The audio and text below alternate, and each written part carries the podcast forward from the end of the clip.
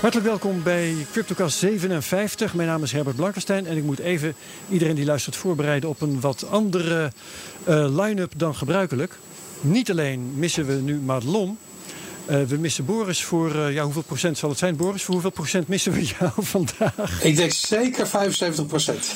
Ja, want hij is niet aanwezig.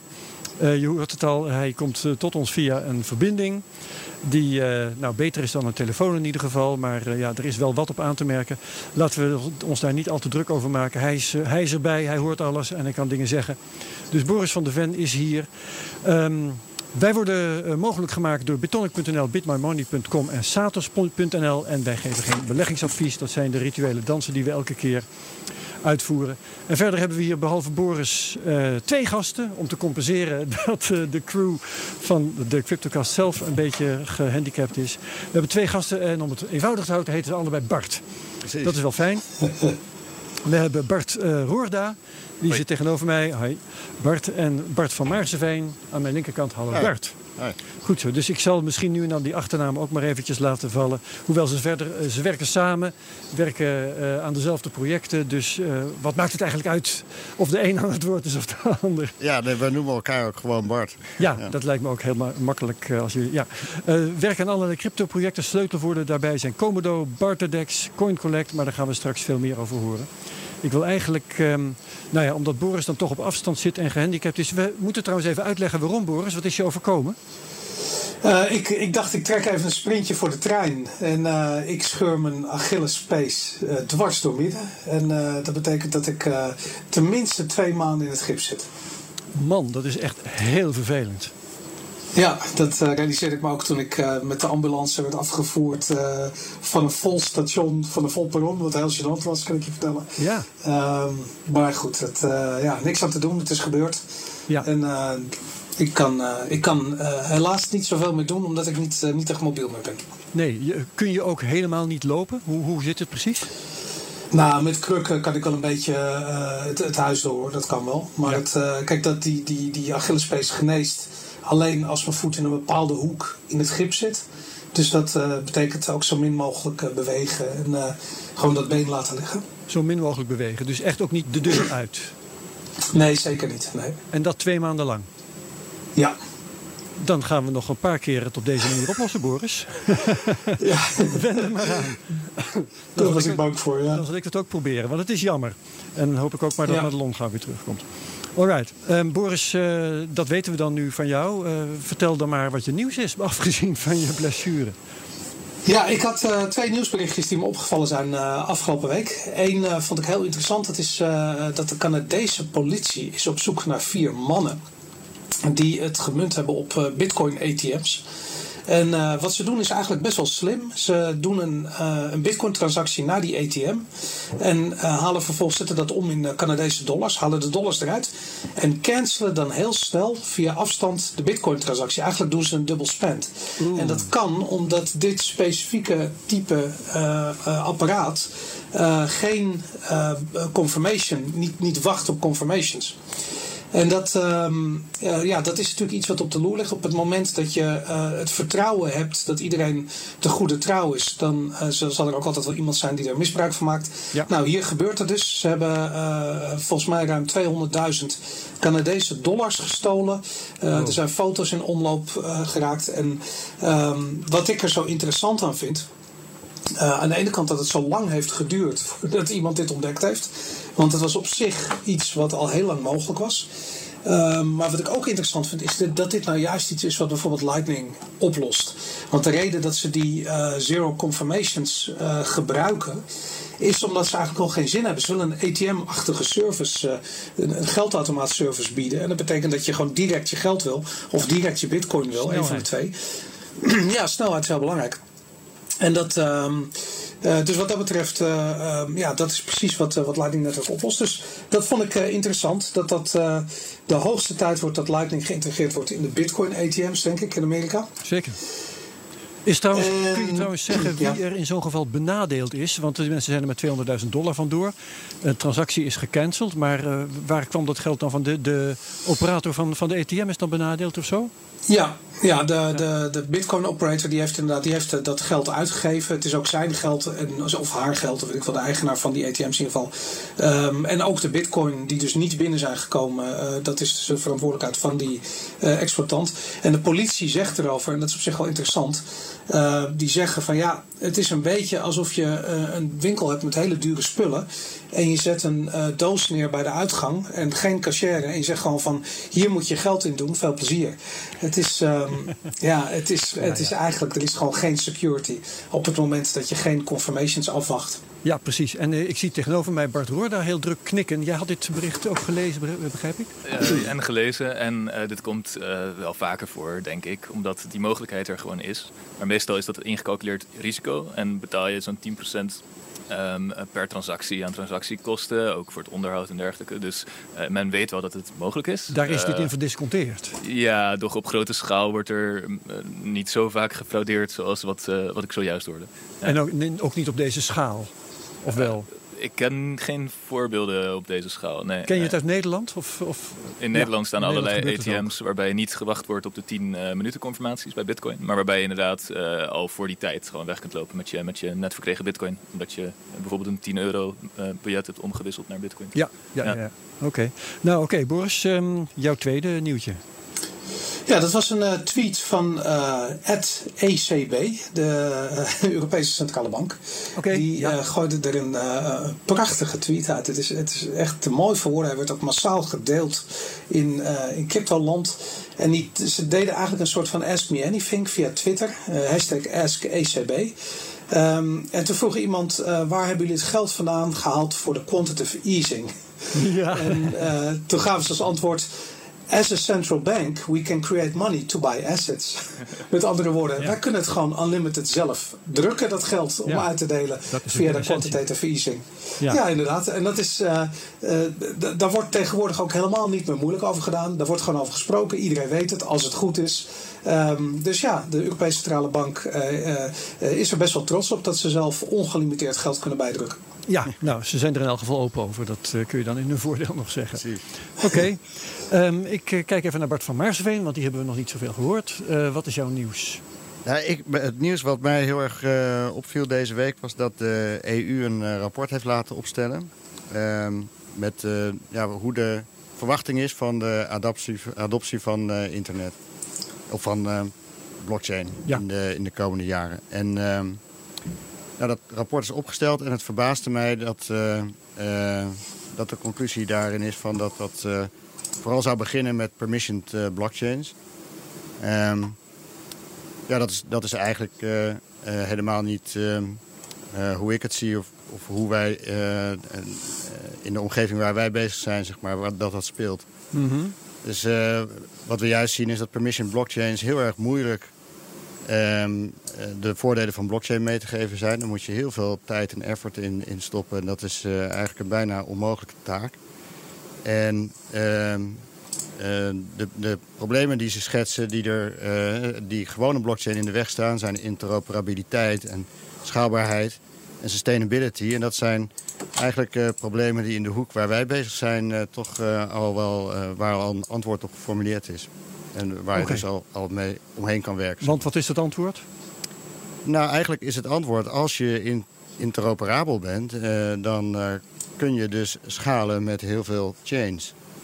Uh, terwijl er vooral heel vaak gekeken wordt naar hoe kan één chain schalen. Is dat eigenlijk een slechte vraag, want blockchains kunnen in, in, op zichzelf niet zo goed schalen. Maar je kan dus als je goed en snel interoperabel bent, kan je met heel veel blockchains wel schalen. Oké, dan verbind je ze met elkaar. Precies. En dat is ook ja. waar jullie druk mee bezig zijn. Daar gaan we denk ik straks, exact. vaker, straks ja, meer ja, over praten. Hè? Ja, ja, ja. Okay. Maar mag ik even een vraag daarover stellen, Bart? Tuurlijk. Tuurlijk. Ja, waarom denk je dat um, uh, dat rapport zo de nadruk legt op die um, uh, permissioned uh, blockchains?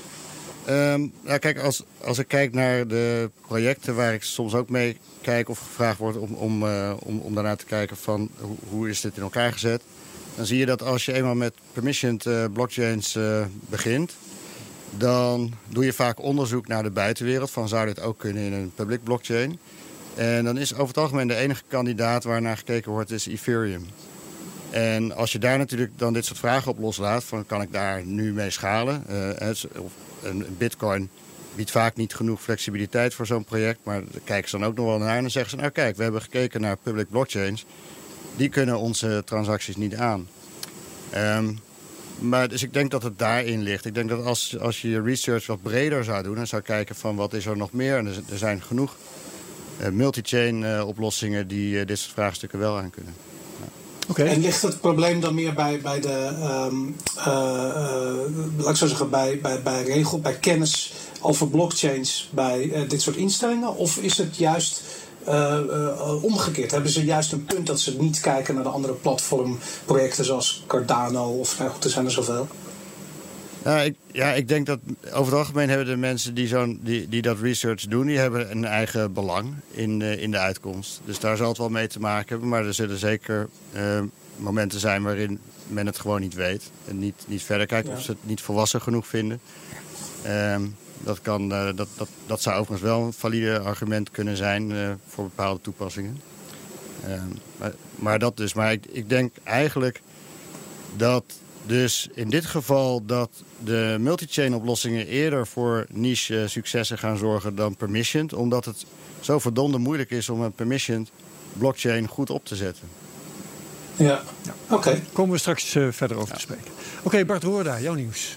Ja, ja, dit is ook een, een nieuwtje voor mezelf. Dit is iets nieuws dat ik heb ontdekt, namelijk XDAI.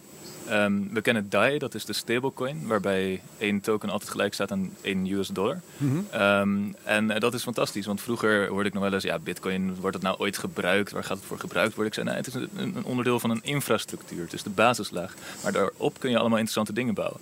En DAI was twee jaar geleden, één jaar geleden, een heel interessant project, omdat je daarbij een stablecoin had. Dus als je nu 200 DAI belooft, dan is dat over 200, uh, nou ja, over, over, twee maanden is dat nog steeds 200 dollar waard. Dus mm -hmm. je, kan, je hebt een stabiele coin. En um, we beginnen nu meer in de adoptiefase te komen. En het nieuwtje is dat ik zelf vorige week uh, eigenlijk voor het eerst XDAI uitgeprobeerd heb. En XDAI, dat is een, een eigen chain, helemaal uh, bedoeld om als stablecoin te dienen. En uh, waar DAI al fantastisch was, maar gebruik maken van het Ethereum basisnetwerk... Um, en je daarmee dus al een stabiele coin had, had je nog steeds dat je bijvoorbeeld Ether moest hebben om überhaupt een DAI-transactie te kunnen laten plaatsvinden. Ja. En dat je de transactiekosten had die gebaseerd waren op hoe populair het Ethereum-netwerk in zijn geheel op dat moment was. Dat is dus ook weer variabel. En nu heb je XDAI en dat is een sidechain van Ethereum die gepakt is aan het Ethereum mainnet. Um, um, maar waarbij uh, de, de, native coin is de XDAI. Dus je fee betaal je ook in XDAI. En uh, dat klinkt allemaal technisch, maar voor de eindgebruiker maakt dat dat uh, het frictieloos betalen is. Je, ja. hebt, je hebt één muntsysteem en je betaalt, je betaalt heel eenvoudig, direct, internationaal, met vrijwel geen transactiekosten. Wat de transactiefee is momenteel 1 gwei. Uh, wat dus echt uh, extreem weinig is. Dat is een vijfhonderdste van een cent ongeveer, van een eurocent, okay. een dollarcent. Dus je kan 500 transacties voor minder dan een, een, dollarcent. En waar uh, ontleent DAI dan zijn, zijn stabiliteit aan? Bij de tether is het, of het fictie is of niet, maar wordt gezegd dat er evenveel dollars ergens in voorraad zijn als er tethers zijn. Hoe zit het bij DAI? Ja, dat is ehm, heel interessant, want inderdaad, uh, waar je bij tethers uh, een partij moet vertrouwen op het feit dat er uh, euro's of dollars gebackt zijn, maar ja. eigenlijk zijn dat gewoon waardes in een soort spreadsheet, is het bij, um, bij, bij DAI is er een algoritme dat maakt dat die, en een economisch systeem dat maakt dat die DAI op 1 dollar blijft. Dus er is een economische incentive voor de massa, voor dit permissionloze netwerk van mensen wereldwijd.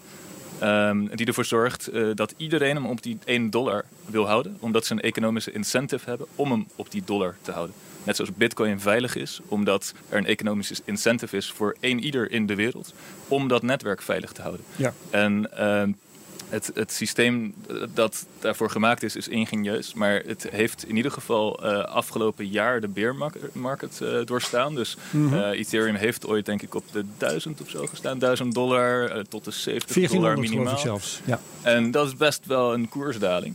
Ja. hey, doch, de DAI is op die 1 US dollar blijven hangen. En er is eigenlijk, weet je, punt 0, punt 99, 1.01, maar hij is eigenlijk daar bijna niet van afgeweken. Ja, dus ja, ja. ehm, het systeem werkt behoorlijk goed. En er zijn steeds meer mensen die daarmee werken. Ik heb er zelf ook veel mee gewerkt. Boris, het zou mij sterk verbazen als jij hier geen meningen over had of vragen op zijn minst. Eh, nou ja, de DAI is technisch eh, eh, echt verbluffend, omdat ze door middel van. Ehm, eh, hoe, wat is dat? Je hebt een soort eh, eh, prijsverschillen tussen verschillende exchanges. Ehm, eh, arbitrage heet dat. En ik heb begrepen dat er een formule is gebaseerd op arbitrage, wat dus die zorgt dat die, dat die DAI, dus dat, dat die waarde steeds 1 dollar blijft. Wat heel erg knap is om dat wiskundig voor elkaar te krijgen. Dus technisch gezien is het heel erg interessant. Het is de vraag, ja, hoe gaat het toegepast worden? En we hadden natuurlijk al DAI. En als je dan nu XDAI daarnaast legt, hoeveel stablecoins kun je hebben? Wat is de, ik snap wel de meerwaarde van XDAI overigens hoor, eh, daar niet van. Alleen ja, nu is de vraag van welke exchanges gaan dat allemaal adopteren? Hmm. Ja, daar gaan we misschien vandaag ook wel over spreken. De, de wereld van cryptocurrencies eh, is vrij nieuw, eh, maar er komt steeds meer interoperabiliteit. En dat maakt dat je niet meer echt gaat nadenken in de toekomst over welk type coin je in je wallet hebt zitten. Je gaat verschillende type coins in je wallet hebben. En als jij eh, een brood bestelt bij de bakker, dan maak je gewoon over wat jij, wat jij hebt en wat je wil overmaken, wat het meest gunstig is voor jou. En dat kan je zelf bepalen of dat kan die wallet bepalen, dat kun je vooraf ingesteld hebben. Ehm, wat dat betreft maakt dat niet zo heel veel uit. Het, het gaat om de keuzevrijheid. Dus als jij eh, een project uitzet en je wilt mensen aan een project laten werken dat eh, twee maanden duurt, eh, dan willen zij niet een koersrisico hebben, verwacht ik. Dus dan kun je nu alvast een, een, een, een, een projectbudget zetten in DAI of XDAI of wat je maar prefereert. De ander kan het ontvangen, maar die is natuurlijk niet, eh, die zit niet vast daaraan. Die kan het zo overzetten naar een andere coin. En dat zal steeds gemakkelijker worden. En dan wordt er vanuit de traditionele financiële wereld vaak over bitcoin gezegd van ja, dat is misschien allemaal wel aardig, maar ja, die volatiliteit, hè, dan is het eigenlijk niet bruikbaar. Waarom springen ze dan niet met z'n allen op zo'n DAI? Nou, DAI is behoorlijk populair. Toch wel? ja, ja, ja. En ik heb eh, prachtige point-of-sale eh, applicaties gezien eh, waar via merchants zoals eh, cafés bijvoorbeeld eh, hun bier of hun, eh, andere dingen kunnen verkopen eh, met een tablet waarbij mensen even QR-code scannen of, of Ja. een telefoon langs zo'n zo'n NFC-chip halen eh, en dan met DAI of XDAI betalen. Dus eh, het is een ontwikkeling, maar het bestaat ook maar een jaar ongeveer. Dus ehm, eh, men moet ook kijken, is het veilig genoeg? Hè? Ja. Ja. Oké. Nou, we houden hem in de gaten. Ehm, heb ik nog nieuws? En dat gaat, eh, Boris die had het over eh, de, de ehm, onveiligheid van ATM's. Eh, ik vond het nieuws van de Ledger, het bedrijf achter de Ledger, doet security checks van zijn eigen producten. Laten daar allerlei hackers op los. Maar ook doen ze dat op de producten van de concurrent. Op de Trezor. En nu hebben ze een aantal kwetsbaarheden in die Trezor ontdekt. En ze hebben volgens de principes van responsible disclosure eh, het bedrijf de kans gegeven, zegt het bericht uit, eh, op bitcoin.com tegen mij, eh, om daar wat aan te doen. Hebben ze niet gedaan en nu hebben ze dus de kwetsbaarheden gepubliceerd. Waarmee ze dus hun concurrerende product in discrediet brengen. Heb jij dat bericht ook meegekregen, Boris? Eh, ja, zeker. En het is eigenlijk iets wat al een tijdje aan de hand is. Ze zijn elkaar over en weer aan het bestoken met bugs of vermeende bugs. Ehm, het, het- wat echt heel fascinerend is aan het hele verhaal, is dat alles begint bij een eh, inmiddels 16-jarige jongen in de UK. Ik ben even zijn naam kwijt.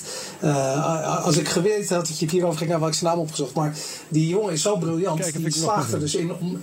Ja, inderdaad, die jongen die, die, die, eh, die slaagt dus in om die hardware wallets de hele tijd eh, eh, te hacken en alle kwetsbaarheden bloot te leggen. En hij is degene die de hele tijd weer die, die, die, die lat verder pusht eigenlijk. Er is niemand zo goed in die techniek als hij. Dus hij zegt de hele tijd tegen Trezor van moet je kijken wat er bij Ledger aan de hand is. En tegen Ledger zegt hij van ja, maar bij Trezor is er dit en dat aan de hand. en ehm Dat klinkt Trezor heeft zelf... Ja, op zich, en op zich heeft hij gewoon een heel goed punt. Want hij heeft gewoon gemerkt van als ik dat doe, dan wordt er ook direct op ingespeeld. Ehm, want hij heeft namelijk ook eh, de, de bugs die in Ledger zaten, heeft hij bij Ledger eh, gemeld. En daar heeft Ledger eh, ja, niet goed op gereageerd. Die hebben niet gelijk ingegrepen. Ehm, ik moet zeggen dat Trezor beter reageert. En die, ehm, nou, die hebben eigenlijk punt voor punt eh, gereageerd. Er is een update geweest. Sommige eh, vulnerabilities zijn inmiddels al gepatcht. Eh, andere zijn oplossingen voor. Ehm, en ja, sommige dingen zijn ook gewoon, is niks aan te doen. Dat zit in de, ehm, eh, ja, in, de, in de architectuur van de hardware eigenlijk. Dus ehm, ja, het, het is goed om je te realiseren dat als iemand er met je ledger vandoor gaat, uh, of met je treasure, dat het in theorie mogelijk is dat iemand bij je private keys kan. Het is niet makkelijk, maar het is in theorie mogelijk. Ja, dus uh, let ook gewoon op die fysieke dingen. En uh, mochten ze ontvreemd zijn of verloren, kun je misschien beter snel proberen om zelf een alternatieve ledger te nemen of een Trezor en de zaak te herstellen en je rekening gauw leeg te halen. Heb je op, op Twitter ook gezien dat die, de CEO van Twitter, Jack Dorsey, die heeft dus publiek aangegeven van ik heb juist een Trezor gekocht. Ja. Ja, uh, vanwege dat zij alles uh, open source hebben gemaakt. Van hoe ze dat gedaan hebben. En Ledger niet. Dus ik, ik ben ook wel benieuwd naar of Trezor wel net zo goed Ledger kan beoordelen als Ledger Trezor in dit verhaal. Ja, het wordt een uh, verhaal met een hoog Ajax Feyenoord gehalte als ik het zo hoor. Precies. Ja, ja. ja. Oké, maar er zit dus inderdaad een enerzijds anderzijds aan. En uh, met uh, dat in gedachten moet je dat nieuws op bitcoin.com maar lezen. Ik zal het in de show notes zetten. Alright, en dan had ik nog iets anders. Dat is niet zozeer een nieuwtje als iets wat ik jullie zou willen voorleggen. Ik las een ander stuk ergens. Um, dat ging over hoe je bitcoin nog kunt gebruiken als de apocalypse heeft toegeslagen. En toen dacht ik dus onmiddellijk, ja wacht nou eens eventjes. Het hele bitcoin systeem vereist toch wel een paar dingen. Namelijk bijvoorbeeld dat de elektriciteit nog werkt, uh, op zijn allerminst. En ook dat in principe dat in, voor de meeste toepassingen toch ook gewoon dat internet functioneert. Uh, ik vraag het eerst maar even aan Boris. Hoe denk jij daarover? Nou ja, elektriciteit absoluut. Internet weet ik niet. Um, Kijk, ja, je, dus, de, je kunt de, wel bitcoins sms'en en bitcoins uh, via ham radio hebben we vorige keer over gehad. Ja, maar mesh networks. Uiteindelijk moeten er toch ook nog gewoon miners bezig zijn. En dat vereist toch echt internet, zou ik zeggen. Ja, tot op zekere hoogte. Kijk, je zou kunnen zeggen, als, het, als, het, als de stroom er even uit ligt en je geeft iemand een seed van een wallet waar een bepaald bedrag op zit, dan is dat ook een soort van transactie. Dus, uh, maar ja, als je echt de transactie via uh, de Bitcoin blockchain zou willen doen, daar heb je gewoon stroom voor nodig, absoluut. Ja, precies. precies. Uh, een van de Barten hier nog wat over te zeggen? Bart Roor, daar zit stilletjes te knikken. Ja, ik denk, uh, ja, ik, ik, denk dat dat inderdaad klopt. Je kan eigenlijk best wel ver doorgaan met offline transacties doen. En je zou met uh, twee nodes die actief zijn en die ook de ja, mining doen. Dat zal dan een lagere difficulty hebben. En hoop ik voor die twee miners die overblijven. Maar dan kan je de draad weer oppakken. Of je kan. Uh, ja. ja het, maar goed, iets op dat gebied is toch nodig? Uiteindelijk, uiteindelijk wel. Het is natuurlijk een elektronisch betaalsysteem. Dus zonder zonder elektriciteit. Ja, nee, precies. En wat Boris zegt, inderdaad, bij een korte onderbreking kun je je wel even redden met een, ja. uh, een uh, noodmaatregel. Maar dat is niet een apocalyps. Dat is gewoon even een hiccup. En ja, maar misschien kan je zelfs na, na, na tien jaar uh, de, de, draad weer oppakken. Het zou, zou ja. me niet verbazen ja. als dat kan. Ja. Nou, maar goed, wat er in de tussentijd dan gebeurt met de koersen... en hoe mensen op hun spulletjes letten, hun, hun ledges en zo. Enfin, uh, laten we hopen dat dat niet gebeurt. We gaan er ook vanuit dat het Ik denk gebeurt. dat fiat geld dan zeker ook weg is. Uh, dat zou ook best kunnen, ja. ja, ja nou, okay. Open vragen allemaal. Boris, wil jij nog uh, op jouw manier een prijsanalyse doen of slaan we dat over? Laten we dat overslaan. Ik kan er echt niks zinnigs over zeggen. het gaat in elk geval grotendeels sideways hè, op dit moment. Dat, uh, dat kunnen we er ja. wel over opmerken. Oké, okay, fijn. Dan kijken we volgende week gewoon opnieuw. Um, um, het 100 dollar per week project zit in zijn voorlaatste week. Ik uh, heb de 4900 dollar bereikt, allemaal fictief natuurlijk. Voor de 49ste keer 100 dollar ingelegd. Ditmaal op 3909 dollar. De waarde van het hele pakket is nu bijna precies 3500. Waarmee ik uh, nog steeds uh, op iets minder dan 30% in de min sta. De bitcoinwaarde die nodig is om kiet te spelen, houdt de laatste weken in de gaten. Die is weer gedaald. Weer bijna 50 dollar eraf. Bij de koers van 5471 sta ik nu op 0%. En het verschil met de werkelijke koers is ook weer minder geworden. Nou goed, dat is, uh, volgende week uh, ronden we dat af. Mooi. Bart Roorda en Bart van Maarseveen zijn hier te gast. Hagenezen, ja, toch? Uh, vrienden ook? Ja, ja, ik wel. Bart, ik heb toen hem leren kennen wel. Ja, ja. Oké. Okay. Ja. Jij woont niet meer in Den Haag, Bart Roorda. Ik woon momenteel in Rotterdam. In Rotterdam, ja. ja dat is ook legaal hoor. Dat is verder helemaal geen probleem. Maar hou me veel bezig met communities, onder andere ook in Den Haag. Ja, Juist. Absoluut. Okay. Jullie zijn crypto-enthousiasten, jullie zijn IT'ers, jullie zijn ondernemers. En jullie zijn samen bezig met pro projecten die gaan onder de naam als Barterdex en, en Coin Collect. En daar gaan we straks verder over praten. Ik wil eerst onze traditionele eerste vraag stellen. Ik moet nou twee keer stellen. We beginnen even bij Bart van Maarseveen. Je eerste crypto-ervaring. Hoe heb jij crypto ontdekt? Ik, heb, ik heb een verleden in de open source technologie. Dus, het ontstaan van bitcoin en, de, de, jaren daarna... die kwamen al snel onder mijn aandacht. En ehm, ik heb toen ook ja, wel geprobeerd om daar iets mee te doen op dat moment. Met apparatuur die we toen nog hadden staan van kunnen we die bitcoins gaan minen. Daar hadden we uiteindelijk geen aandacht genoeg voor, geen tijd voor. En dat kwam ook gewoon omdat het voor mij toen nog niet helemaal duidelijk was. Het was een soort digitaal geld. En dat vond ik eigenlijk niet zo heel interessant. Uh, pas jaren later, ehm, ehm, dus zeg maar eh, begin 2016, toen ging ik voor een klant uh, kijken naar innovatie op het gebied van, uh, van, van zijn financiële diensten.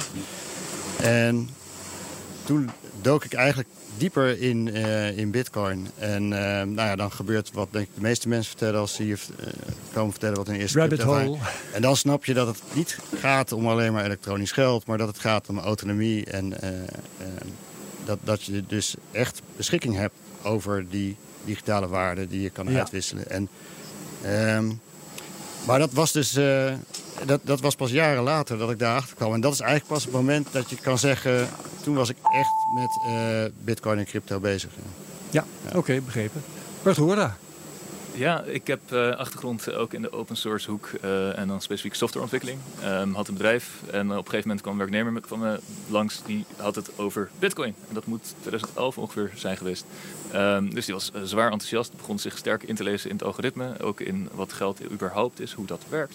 Um, en zei, hey, kunnen we niet gaan minen hier zo als test? Want we hebben toch elektriciteit inclusief. Dus dat was 2011. We konden nog op GPU's, dus videokaarten minen, CPU's was net oh, ja. daarvoor volgens mij. Um, en uh, uh, dus dat, dat, dat ging gebeuren. En eigenlijk dagelijks waren er wel updates over de nieuwe inzichten over wat je allemaal zou kunnen met zo'n techniek. Voor mij was het dat ook uh, nog een beetje vaag. Tokens in een computer, harde schijf. En ja. Um, wat kon je ermee? Maar dus ik heb mijn miner al heel snel uitgezet in verband met de elektriciteitszaken en duurzaamheid en dat soort zaken. Um, maar een paar jaar later, toen, toen, was ik er wel bekend mee, ook met al die mining pools. En toen was er bij Transmedial in Berlijn uh, iemand die vrij bekend is, uh, Vinay Gupta. Die was in 2014, denk ik, uh, daar aan het vertellen over Ethereum voor een groepje van uh, zeven mensen toen ik aankwam op dat congresfestival. Dat gaat over technologie en de maatschappelijke impact daarvan mm -hmm. op de maatschappij en alles. En hij had het over Mist, de browser, de app-browser waarmee je het nieuwe internet op kon. Een gedecentraliseerde wereld, weer terug naar decentralisatie ja, ja, ja, ja, dacht jij. En, uh, en ik, nee, nee, nee, nee, nee. Ik, uh, ik heb alle boeken van Tim Berners-Lee gelezen, de, de bedenker, okay, uitvinder ja. van World Wide Web. En ik vind het prachtig. Ik heb gezien hoe we naar centrale um, bedrijven weer zijn gegaan. En dat toch 70 tot 80 procent van alle content op, bij Amazon staat. Um, ja, en het web eigenlijk niet meer zo decentraal meer is. Um, dus ik ben ermee gaan experimenteren en uh, sindsdien heel erg diep ook wel in alle ontwikkelingen uh, verder gegaan. Van, uh, deels volgen wat er allemaal gebeurt, deels meer kennis krijgen over hoe economische systemen eigenlijk werken. Ja. Ik denk dat veel mensen daarmee bezig zijn. en deels ook de ontwikkeling in, dus kijken hoe al die softwareplatforms werken op codes, Bitcoin. En, en denk je nu Ethereum. ook dat die idealen van nou ja, kleinschaligheid en zelfbeschikking die ooit aan het World Wide Web gekoppeld waren, dat die nu alsnog realiteit worden? Nou, ik denk dat er continu golfbewegingen zijn, uh, trends. Uh, de ene keer de ene kant op, de andere keer de andere kant. Uh, maar ik denk wel dat met, met blockchains ehm, meer autonomie mogelijk is. Omdat het een decentraler systeem is van bijvoorbeeld werken met data dan we voorheen hadden. Um, een systeem dat minder gemakkelijk gecensureerd kan worden, afgesloten kan worden. Uh, en waarbij mensen echt peer-to-peer, dus mens tot mens kunnen handelen en organiseren. Iets wat ja. uh, uh, voorheen en nu nog steeds op globaal niveau niet mogelijk is. Ja. Boris, als jij op hete kolen zit en je ermee wilt bemoeien, hoor ik het wel. Hè? Want, we moeten ja, absoluut. Ik luister mee. we moeten nog een beetje wennen aan deze aangepaste configuratie. Oké, okay. ja. um, een van de dingen waar jullie mee bezighouden, Bart en Bart, dat is um, iets wat heet Blockbar. Yes, ja. Wie gaat mij uitleggen wat dat is? Um, nou, ik, ik, begin wel even. en dan vult Bart wel weer aan. Ja, vast wel. Uh, ja. Dat gaat altijd heel goed. Uh, de blokbar is uh, ontstaan eigenlijk... ja, we kwamen vaak samen, in Den Haag ook. En in Amsterdam hadden we een experiment lopen. Dat heet Amsterdam Blockchain Lab. En, maar we kwamen ook vaak samen in Den Haag. om de simpele reden dat we daar ook woonden. En bij de Heek Tech, dat is een soort tech hub waar allerlei flexwerkers en bedrijven zitten. En er ontstond gewoon eigenlijk een spontaan gevoel van we moeten hier eigenlijk ook iets organiseren. Ehm, wat iets, iets zoals een blockchain lab, maar dan iets waarbij we structureel met een clubje samenkomen en echt gaan werken, projecten oppakken, dingen gaan doen. Dus uh, niet een investeerdersclubje of zo, maar gewoon een, een, een bouwclubje. En ehm, nou, dat, dat is toen eigenlijk door de medewerking van de Heek daarin ook, die, die een ruimte ter beschikking stelde. En de inzet van Marja Hollander en, en de twee Barten is dat uiteindelijk. Een dus dat is uh, superleuke vrijdag geworden. Een, Elke een, vrijdag een, een wekelijks praatcafé voor mensen die in blockchain technologie geïnteresseerd zijn. Ja, het is ook nog meer dan praten, want dat, dat bestond eigenlijk al wel. Er waren allerlei meetups, uh, Bitcoin Wednesday, Blockchain Talks, uh, Crypto 70, Crypto 010. Dus er zijn vele meetups als het gaat om, om blockchain en cryptocurrencies. maar dat is inderdaad echt praten. En dat is vaak ook netwerken, korte momenten waarbij je samen bent. Um, en Blockbar is mede ontstaan ook om een plek te bieden aan mensen die even wat langer contact willen hebben. Dus wat diepgaander op, uh, op, op dingen in willen gaan, willen experimenteren. Maar ook echt willen samenwerken. Dus bijvoorbeeld um, um, veel mensen die werken gewoon op een zolderkamer aan projecten. Eh, met een computer aan het programmeren. Uh, en soms loont wel de moeite om even samen te zijn. En te kijken, hey, Solidity, hoe werkt dat? hoe heb jij dit opgepakt? hoe heb jij dit probleem opgepakt? Dus het is, ehm, het is nog veel meer dan praten. Het is echt uh, zowel het bij elkaar brengen van mensen die echt in die scene aan het ontwikkelen zijn. Applicaties, infrastructuur, bedrijven. Uh, mensen die bezig zijn met uh, wat moeten we nou met die tokens, met die token economics voor ons bedrijf, voor, de, voor de overheid. als gewoon inderdaad beginners of geïnteresseerden die denken, ja, de blockchain, ik hoor er wel wat van, maar het bestaat nog steeds. Ik hoor er al jaren wat van. Wat is dat nou en wat kan ik ermee? Ja, ja. exact. Ja, dus, dus, we hadden van de week ook een game, blockchain meets game uh, meetup georganiseerd ja. uh, vanuit de Blockbar. Uh, samen met een game developers clubje. En daar, welke daar, club was dat? De, dat was de, de, de, de Netherlands Gaming Society, volgens mij. Ja. Oh, de DGA, de Dutch Games Association. Nee, nee, nee de NGS. De NGS. Oh, ja. oké. Okay. Okay. En ook Haags, denk ik. ja. Maar in ieder geval, het leuke daar was dat uh, Bart het op een rijtje gezet van wat hebben we nou gedaan afgelopen jaar in de Blockbar. En uh, het bleek eigenlijk dat we al heel veel toch game-gerelateerde dingen gedaan hadden in, in een jaar tijd. En allemaal verschillende clubjes mensen die bij de Blockbar samen hadden gewerkt aan um, idle games, aan CryptoKitty-achtige varianten. Ja. Um, dat zijn eigenlijk uiteindelijk ook allemaal een voorbeeld, maar ja. dat, uh, dat hebben we ja. nu te pakken. Ja. Ja, dus eh, echt ontzettend leuk. En dat is allemaal in een jaar tijd uh, gebeurd. Echt best wel veel. Ja. ja. dus daar komen ook echt dingen uit, zeg maar. Absoluut, ja. ja.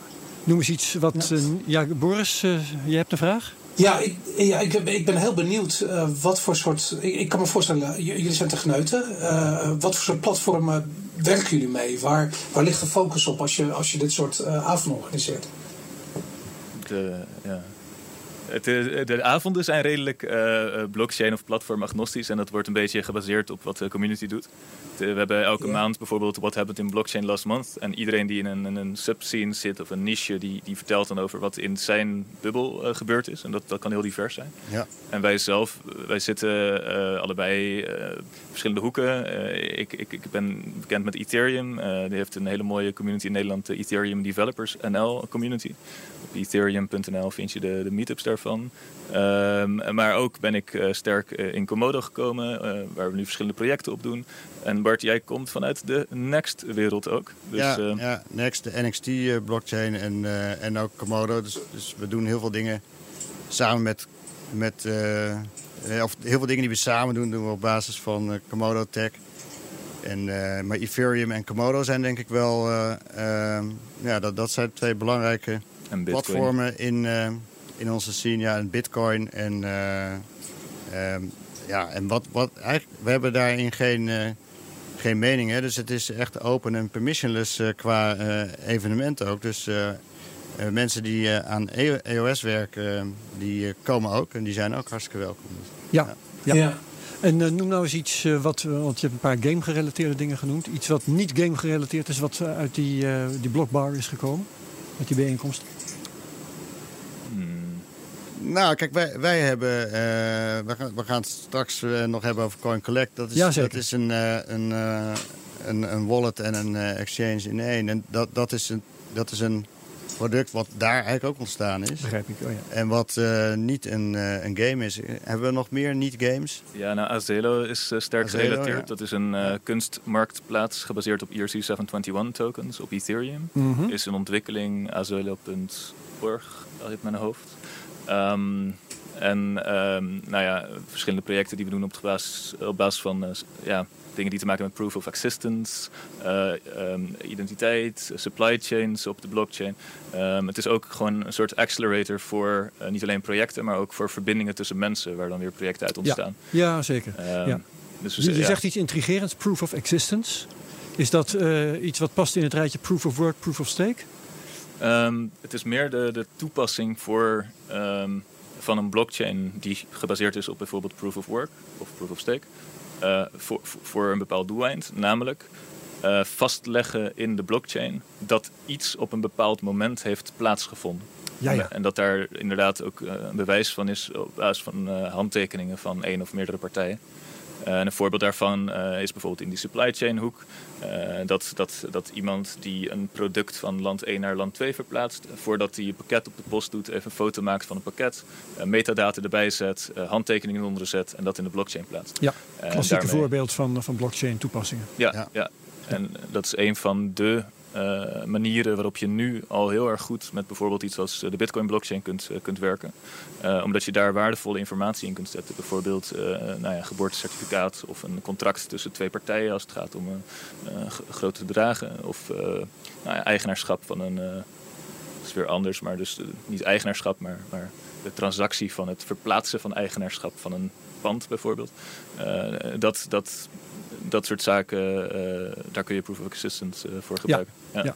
Oké, hey, ehm, nu is intussen jullie eh, de dingen die ik eerder had, had aangekondigd, hè, Bartodex, Coin Collect en Komodo, of Komodo zeggen jullie. Hè? Ik zit altijd maar af te vragen waar moet ik eigenlijk die klemtoon leggen. Ja, Komodo hoor ik jullie zeggen. Het, het is vernoemd naar, dat, eh, naar die eh, Indonesische eh hagedis of eh, lizard. De Komodo-varaan. Precies, dus Ja. ehm, we noemen het gewoon eh, op Solans eh, Komodo. Komodo, prima. Vind ik best.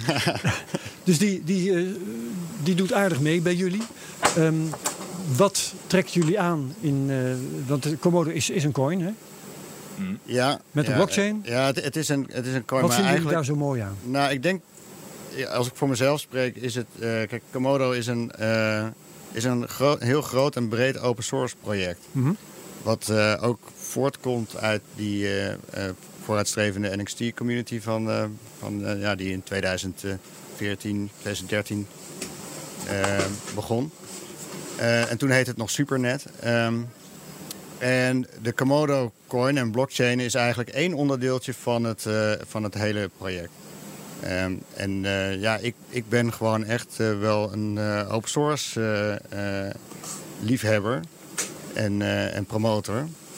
En ik vind dat mooi. Eh, Ja. Ik vind dat mooier dan wanneer er een Nee, coin... maar wacht eh, even, dat snap ik wel. Maar eh, Bitcoin is ook open source. Precies. Dus dat kan Ja. geen argument zijn om heel speciaal naar Komodo te kijken. Nee, maar dat bitcoin vind ik ook heel mooi. Ja?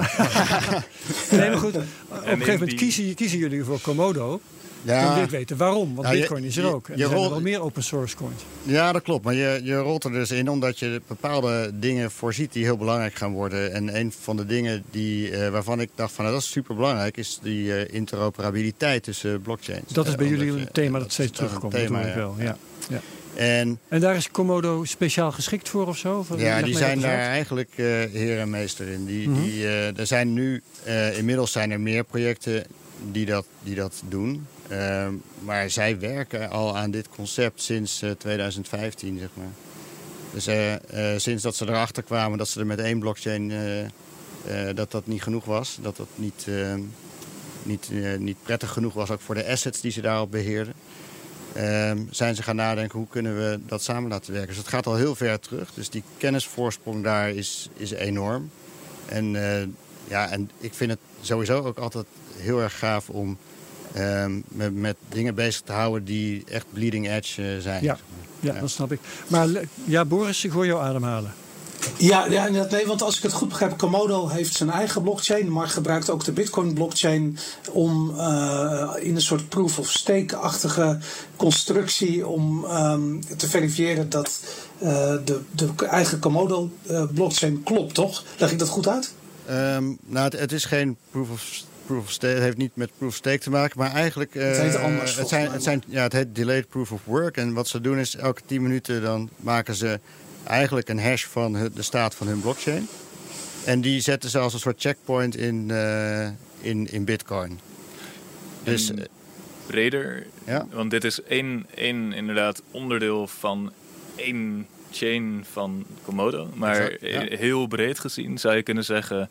Um, Komodo is een, een, open source community van mensen die uh, streven naar dat stukje interoperabiliteit, waar we het net ook over hadden. Um, security en privacy. Uh, en daardoor freedom.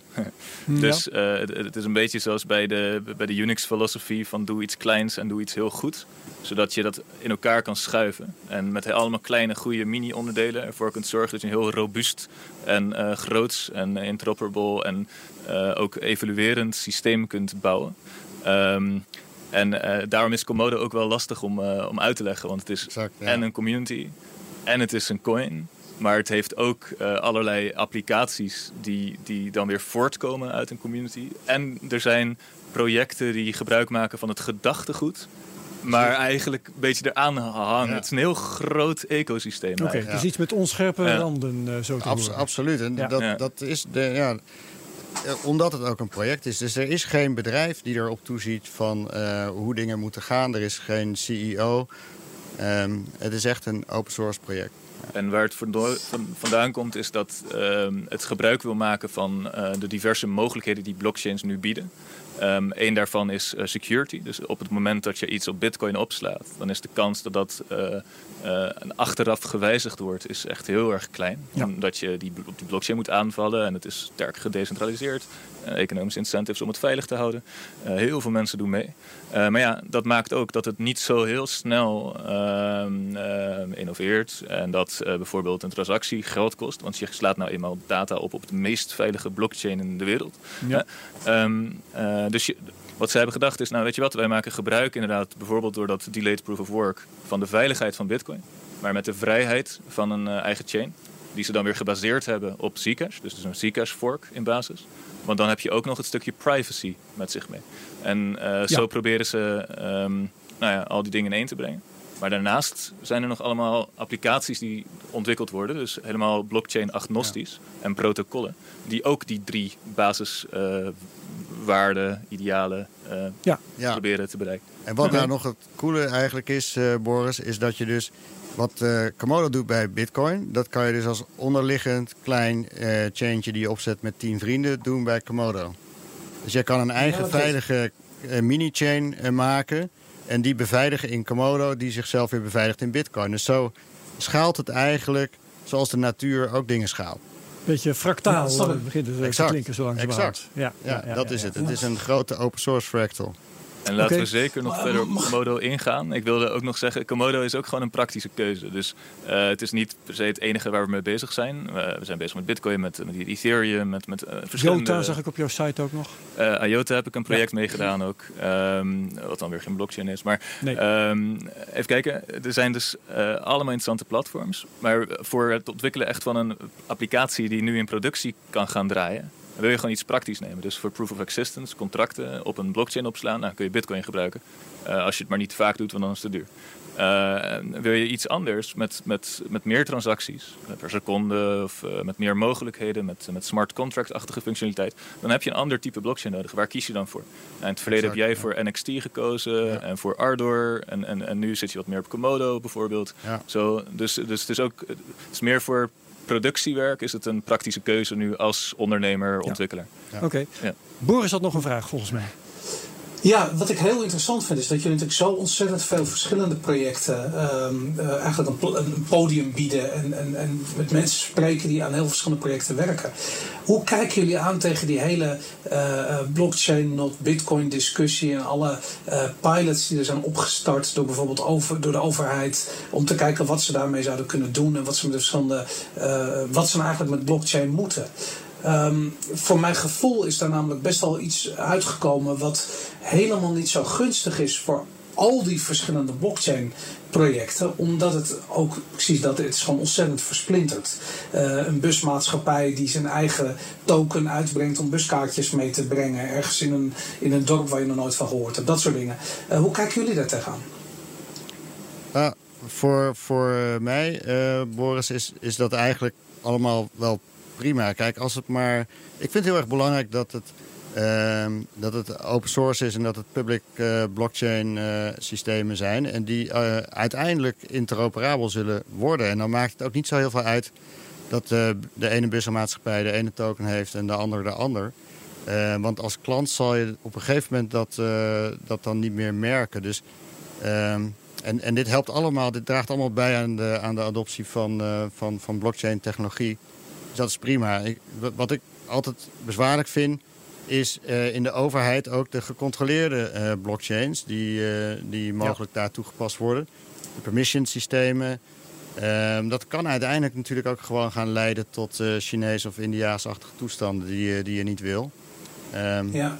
Maar um, ja, er zijn ook bij de overheid zijn er mensen die uh, een heel erg groot uh, open source hart hebben. En uh, die gaan voor compromisloos open source en radicaal transparant, las ik laatst op Twitter. Dus volgens mij komt dat ook daar wel goed in. Ja. Hey, ik, ik, hey, nog één vraagje. Sorry, ja? nog één vraagje over stellen. Want jullie hebben het steeds over de interoperabiliteit tussen die verschillende blockchains. Hoe ziet dat eruit? Wat moet ik me daarbij voorstellen? Is dat alleen waardetransactie of hoe, hoe, hoe gaan verschillende blockchains met elkaar om daarin?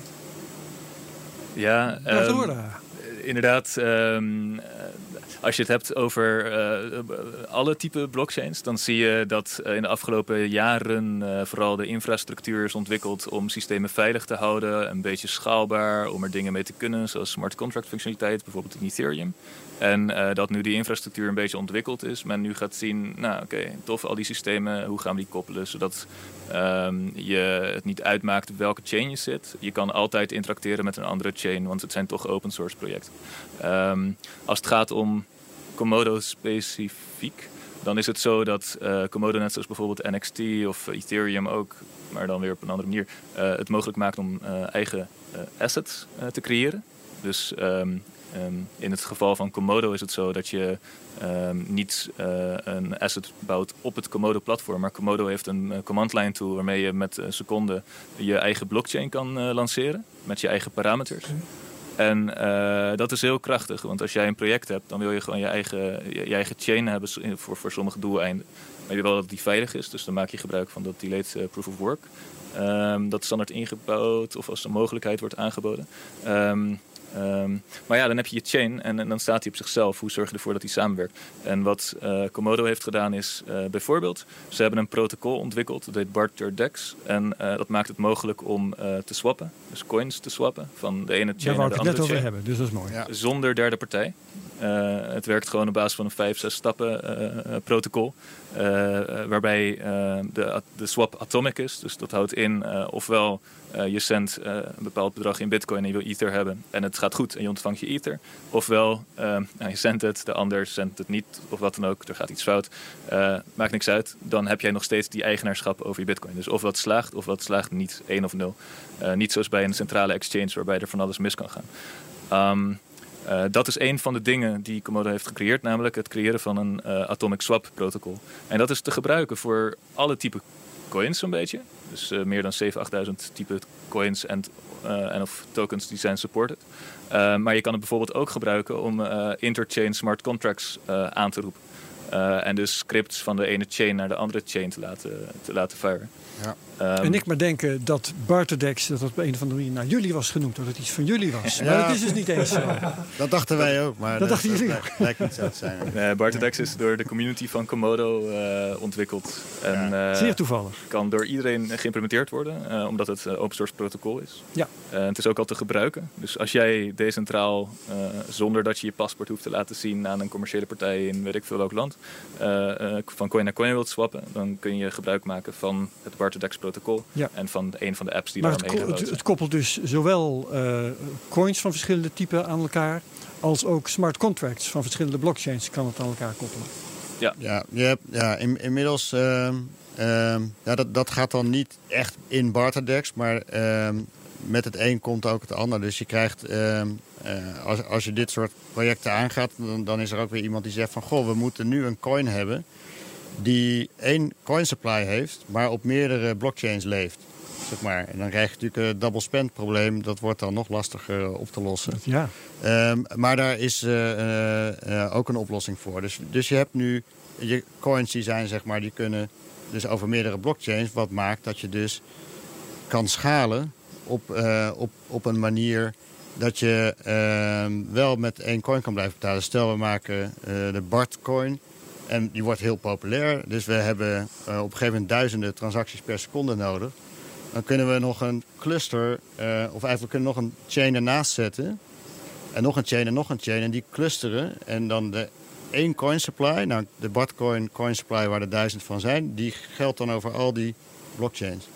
Ja. En dat is eigenlijk zo'n, dat is ook al, dat is een contract die eh, over meerdere blockchains loopt. Ja. Ehm, en en eh, dat klinkt, klinkt allemaal heel aantrekkelijk. Maar eh, als er heel veel behoefte is aan zoiets, dan zou ik zeggen, dan wordt het ook gigantisch veel gebruikt. Hoeveel wordt dit op dit moment gebruikt? Kun je dat op een of andere manier in een getal uitdrukken? Nou, als het een schaal van 1 op 100 is, dan zitten we eh, nog wel onder de 3, denk ik. Ja, maar een schaal, dan, dan, dan maak je het op een of andere manier relatief ten opzichte Ja. van wat het aan kan. Maar, maar ik bedoel, hoeveel Nee, nee. mensen gebruiken dit? Of hoeveel projecten draaien daarop? Of... Mhm. Ja, nou, er, er zijn eh, tientallen projecten. Mhm. Eh, dus laten we zeggen, meer dan, eh, meer dan 50 eh, verschillende projecten eh, kun je wel vinden in de, in de Discord. En dat en zijn dat allemaal. wereldwijd. Dat is wereldwijd. En dat zijn allemaal een beetje eh, ja, teams zoals wij dat eh, zijn. Dus dat, en, en, trekt het ook is klein, die ja. community ook wereldwijd? De community is wereldwijd. Er is ook geen centraal punt, hè, want het is dus ook niet een, het is een project. Het is gewoon, nee, goed. ja. Maar het, het, het had gekund in theorie, ik bedoel, wat weet ik ervan. Maar dat het al- toevallig alleen maar Nederlanders waren die eh, dit hadden verzonnen en daarmee bezig Nee. waren. Nee, maar eh, zoals in de, heel veel crypto-projecten zijn er wel relatief veel Nederlanders. Ja. Oh ja, toch wel. Maar Ja, dat, dat, dat geldt dus algemeen volgens jou in de cryptowereld. Ja, dat is mijn indruk wel. Ja, bij NXT en eh, volgens mij bij Bitcoin eh, ook wel. En eh, Ethereum heeft een, die, een grote actieve community. Ja. Ja, oké. Hebben jullie in, in jullie werk, dat, dat wil ik tussendoor nog even weten, eigenlijk last van, van de cryptowinter die we nu meemaken? Van afnemende belangstelling, coins die niks meer waard zijn enzovoort. Nou, het begint nu weer wat aan te trekken, heb ik het idee. Ja? Als je eh, kijkt naar de meetups die eh, overal plaatsvinden, de evenementen die goed bezocht zijn. Dan is jouw maatstaf dus een aantal mensen dat verschijnt op zeker, dit soort zeker. bijeenkomsten. Ja, ja, ja. Want de koers is sterk van invloed op de hoeveelheid aan mensen die naar meetups dat bedoel ik. Ja, dat bedoel ik. Maar dat trekt weer aan, zeg jij nu. Ja, en ook zie je in de corporate wereld dat veel mensen op een serieuze wijze met, met crypto aan het Misschien wel experimenteren zijn. serieuzer dan tijdens de piek.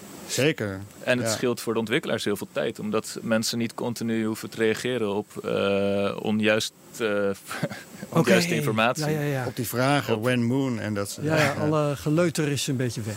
Dus dit is Ja. echt het eh ontwikkel, de, en de dollartekens zijn ontwikkelperiode. uit de ogen. Exact. Ja. exact. Ja. Ja. Ja, Het is wel prettiger. Voor de meetups is het zeker, is het zeker prettiger, want het is gewoon, gewoon leuker. Ehm, en ja, wat Bart zegt, het, het trekt nu eh, echt aan. Er zijn ook gigantisch veel developers bijgekomen het laatste jaar.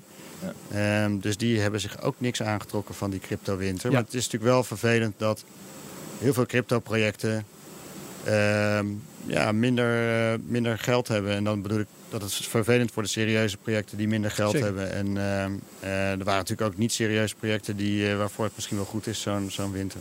Ja. Ehm, tijd om te hebben over Coin Collect. Want dat is wel van jullie, hè? Ja. plan, Ja. idee van jullie. Leg uit wat het is.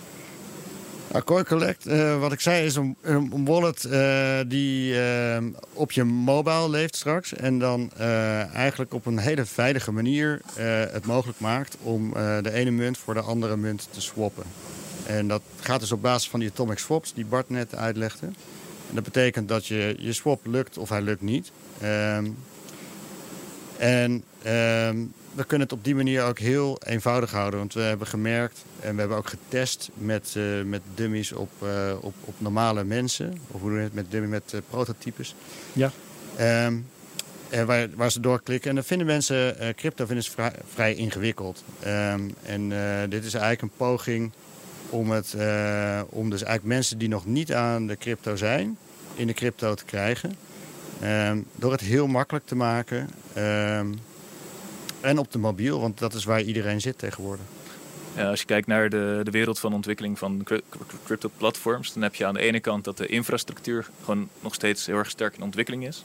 Dus eh, eh, net zoals met internet, je had vroeger IP-adressen die je moest invoeren. Ja. En later kwamen de domeinnamen. Nou, precies datzelfde zie je nu voor de, voor de cryptowereld. Eh, eh, voorheen moest je eh, adressen invoeren en nu kun je, eh, dus eh, hashes. En nu kun je naar namen refereren om ergens te komen. Dat is infrastructuur eh, level. Maar een ander heel belangrijk deel, en dat, dat weet iedereen, dat is user experience en, user friendliness. Dus eh, al die wallets die er nu zijn, die, de meeste daarvan zijn gewoon moeilijk te gebruiken. Eh, en, als je, en, nu beginnen we in een fase te komen dat het echt geadopteerd kan worden. En dat er ook wel echt interesse is. Want mensen hebben er een beetje mee in gekomen, maar nu, nu willen ze er wat mee. Dus nou, we hebben Crypto Winter hebben we nu een beetje. Ja. Eh, maar op een gegeven moment komt het ook weer uit. En zie je echt de, de real-life projecten ontstaan. Zie je dat je steeds vaker eh, in- online bijvoorbeeld met, met crypto kunt betalen. Eh, dan wil je wel een manier hebben om die assets op een hele eenvoudige manier te kunnen beheren en te kunnen overmaken aan andere mensen. Nou ja, en daar, daar, die hele markt moet nog ontwikkeld worden. Er moet echt iets gebruiksvriendelijk zijn. En wat wij dus inderdaad proberen op te lossen is... ehm, we krijgen nu een hele groep mensen de komende twee jaar eh, die aan crypto willen beginnen. Waar, met welke wallet betalen ze? En wat mij mogelijk maken is één, gebruiksvriendelijk. Maar twee, ook ehm, ehm, veilig. Eh, op een veilige manier het mogelijk maken om crypto te beheren. Want in de wallet zelf kun je ehm, eh, zonder derde partij, dus zonder een exchange eh, in between, van coin naar coin wisselen. En dat zie je eigenlijk nog helemaal niet. Dus Ja. da- dat specifiek wat we aan het eh, oplossen zijn. Ja. En, en jullie hebben daar de site coincollect.cc voor. Hè? Daar, eh, daar staat informatie. Kan ik hem daar, want het is mij niet helemaal duidelijk, kan ik hem daar ook downloaden en kan ik daar een app eh, op mijn mobieltje zetten? Nee, nog niet. Wat ik zei, we zitten in, eh, in, een, eh, in een hoek die bleeding edge is. Dus dan moet je soms ook nog even wachten totdat, eh, totdat echt alles, eh, alles klaar is. Is nog niet uitontwikkeld. Nee, we, we zijn nog niet, eh, nog niet helemaal klaar. Maar eh, we hebben zelf natuurlijk al wel eh, ja, zeg maar prototypes die, eh, die, die eh, nagenoeg al werken. Ehm, maar het moet natuurlijk ook echt, echt af zijn. Maar het is heel moeilijk om die atomic swaps van Bartedex... om die goed werkend te krijgen op een mobieltje. Ehm, en als je die eh, op, je, op je gewone desktop werkt dat allemaal al prima en op je laptop. Waar ligt dat dan aan? Aan processorkracht of zo? Ja, eh, aan dat je mobieltje natuurlijk ook eh, uit kan vallen. Uh, processorkracht eh, is, is, er, is er ook een. eh, dan moet je het op een andere manier, eh, de logica op een andere manier schrijven. Nou, dat is nu gebeurd en dan moeten er ja, bugs uitgehaald worden en, en dat soort zaken. Maar, en, en het is echt. ehm, ja, die, die, er zijn verschillende manieren om, een, om, om, om zeg maar coins te swappen, deze, decentraal, wat ze een, een DEX noemen, een eh, Decentralized Exchange. En Atomic Swap is eigenlijk de mooiste manier omdat alle op Bitcoin geïnspireerde blockchains, die kunnen daar vrij eenvoudig eh, eh, mee omgaan. En dat Mhm. zit dan eigenlijk al, al ingebouwd. Ehm, waarmee je dus ehm, ja, 95% van alle coins kan bedienen. En andere dexen die zich bijvoorbeeld op een blockchain eh, ehm, bevinden. Dus bijvoorbeeld een Ethereum DEX die draait dan op een smart contract op Ethereum. Die eh, kan in eerste instantie al heel makkelijk met alle Ethereum assets, dus alle ERC20 eh, coins die er zijn, eh, kunnen die, kunnen, kan je dan ook exchangen. Maar daarbuiten is het dan alweer veel lastiger. Ja. En dus dat is het voordeel van die atomic swaps. Het, het nadeel is natuurlijk dat het, ja, dat, dat het echt ja, heel erg nieuw is. Ja. Wat is jullie ambitie hiermee? Dat we over een jaar allemaal met, met jullie wallet op ons mobieltje zitten? Of wil je gewoon een of ander concept werkend krijgen en, en aantonen dat dit kan? Ja, nee, zeker. Um, de doel dat we origineel hebben gesteld is uh, dat we graag willen dat mensen in aanraking komen met cryptocurrency en er ook gebruik van gaan maken. Uh, dus gewoon de normale mens maakt over twee jaar gebruik van cryptocurrencies en betaalt ermee. En liefst gebruikmakend van een app zoals die onze. Um, Doen jullie dat zelf eigenlijk? Even de gewetensvraag zo tussendoor. Ja, zeker. Je betaalt ook in bitcoin uh, in een restaurant of iets dergelijks? Nou, dat, dat is vaak niet mogelijk. Maar als je naar de blokbar komt vrijdag... dan kan je aan het einde van de dag een, een biertje kopen. En die kan je gewoon uh, in bitcoin of uh, ether afrekenen. Ja. ja en om een voorbeeld te geven... in het verleden ehm, bij dat bedrijf waar mensen ook gingen mijnen... ging ook iemand naar Londen verhuizen. Die wilde alsnog zijn loon daar ontvangen. Maar ja, er zat zoveel uh, aan percentage afdracht aan, aan internationaal betalingsverkeer destijds. Dat vanuit diegene uh, het verzoek kwam: kan ik niet in bitcoin mijn loon uitbetaald krijgen? Uh, dat is een heel praktisch voorbeeld. En dat is toen al gebeurd? Ja, 2013 of zo. Ja, ja. gaaf. Ja. Um, maar, maar ik viel je in de reden toen je ging vertellen wat jullie ambities waren. Ja, dus ambitie is inderdaad om ervoor te zorgen dat uh, het uh, extreem uh, veilig en gemakkelijk is om crypto te gebruiken. Ja. in eerste instantie. Tot nu toe zijn er alleen maar wallets geweest waarbij je één type coin of meerdere type coins beheert, maar waarbij je nooit op een veilige wijze kunt swappen. op zo'n manier dat die gunstig is voor jou. wij gaan dat veranderen. En vanaf dat moment kunnen er heel veel mogelijkheden ontstaan. Want wat we ook maken is een soort een platform, een soort API bijna, waarmee je dan die, die swaps kunt laten plaatsvinden. Dat kun je in principe integreren in alles wat je maar wil. Je, bijvoorbeeld bij de bakker, bij een betaalterminal, ik noem maar wat, waar je dan met NFC even, even je brood betaalt. Ja, maar dat is eigenlijk de ehm, lange termijn visie die we, die we met CoinCollect hebben. Is van nou, eerst moeten we de mensen die nu niet, uh, nog geen crypto gebruiken, in, uh, in, in crypto zien te halen. Dat, dat is stap 1, dat is super belangrijk en leuk. En stap 2 is inderdaad dat, je, dat het niet meer uitmaakt met welke coins um, je gaat betalen precies. En dat is eigenlijk dan weer de volgende stap. Dus, uh, maar, maar eerst, uh, ja, first things first. First things first. Ja daar ook nog een heel klein voorbeeldje bij te geven. In Arnhem heb je natuurlijk arnhembitcoinstad.nl. Ja. De plek waar je met, uh, bij meer dan 100 plekken kunt betalen met bitcoin. Zeker. Uh, voorheen bij ook Burger King en BP en dat soort grote Patrick grote van der Meijden was in een eerdere CryptoCast. Dus uh, kunnen de luisteraars terugvinden op de BNR-site. Fantastisch initiatief. Ja. bestaat al heel lang. en toen Steemit groot werd, het social media platform waarbij je geld krijgt voor je likes, ja. heb ik wat likes ontvangen. Mm -hmm. En vervolgens heb ik daar bij de Spar mijn lunch en mijn koffie van gekocht. dus eh, dat, dat is eigenlijk wat je wil. Dat je dat, dat basisinkomen dat je verkrijgt door middel van tokens, dat je dat op welke wijze dan ook kunt uitgeven, ongeacht wat de ander ontvangt. Ja, dat is duidelijk. De first thing first, uh, zei iemand. Last things last. Uh, want we zijn aan het eind van deze CryptoCast. Boris, heb jij nog wat te vragen of, of op te merken?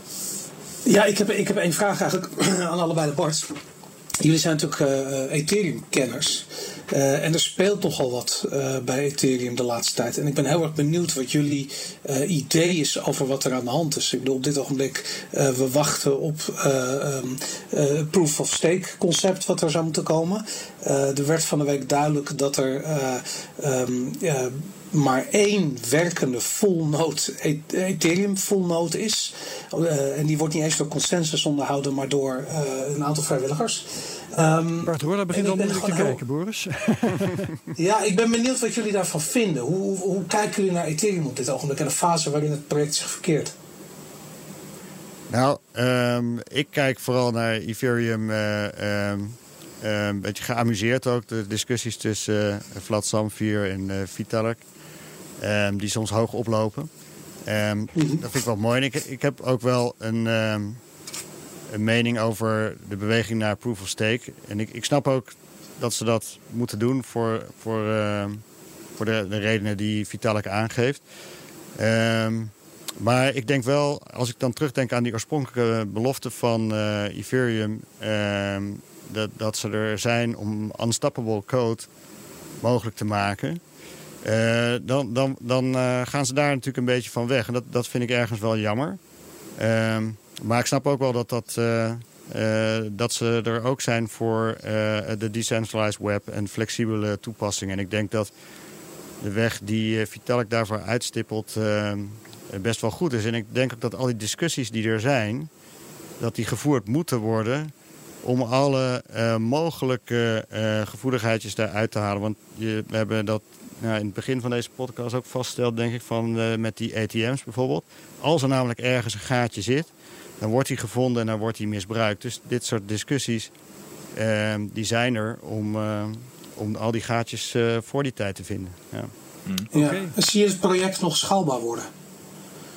Uh, ja hoor, ja. Ik, ik, denk ook uh, dat, uh, dat met de sidechain um, ideeën die er nu zijn... en die ook met de laatste update weer dichterbij zijn... of makkelijker zijn geworden eigenlijk om te doen. Loom, Loom Network die, die deed al voor de gaming. Um, maar nu kan het volgens mij nog makkelijker en straks helemaal makkelijk. En dan krijg je eigenlijk eenzelfde verhaal als bij Komodo. dat je met heel veel sidechains kan je natuurlijk wel schalen... Um, Je moet je niet blind staren op die ene main chain die, uh, die gewoon een bepaalde functie heeft. Die uh, wat mij betreft ook helemaal niet hoeft te schalen. Dat is net als met bitcoin. Daar zet je lightning naast. Bitcoin hoeft verder niet veel meer te schalen dan, uh, dan noodzakelijk. Ja. En het voordeel is, inderdaad, bij bitcoin kan, zijn er nog wel genoeg full nodes. Ehm, omdat het kan ook. En dat heeft echt te maken met dat, dat je die blokken klein houdt. Dat je je niet gek laat maken. Dat je zorgt dat de Bitcoin-blockchain minder hard groeit dan de beschikbaarheid schijfruimte. Dat is een belangrijk ding. Ja, oké. Ja. Geweldig. Boris, ik, eh, ik, ik, heb de neiging om jou eerst te bedanken. Maar ik bedank eerst eh, de gasten. Bart Roerda en Bart van Maarseveen. Leuk dat jullie hier waren. Ja, heel leuk. En, uh, goede reis terug naar Den Haag. En uh, Boris die thuis moest blijven, die bedank ik ook. Boris van der Ven, veel beterschap met je Ja, dankjewel. En uh, sorry dat ik het uh, helemaal aan jou over heb gelaten, Herbert. Ik ben bang dat we het volgende keer op dezelfde manier uh, moeten doen. Want jij bent, hoor ik, twee maanden nog op deze manier in de lappenmand. Ja, dat wordt wel wat. Heel veel sterkte daarmee. Ja, beterschap. Dankjewel. Goed, tot zover Dankjewel. deze CryptoCast nummer 57. En kom volgende week gewoon weer terug. Dan zijn we er weer en maken we een nieuwe CryptoCast. Tot ziens, dag.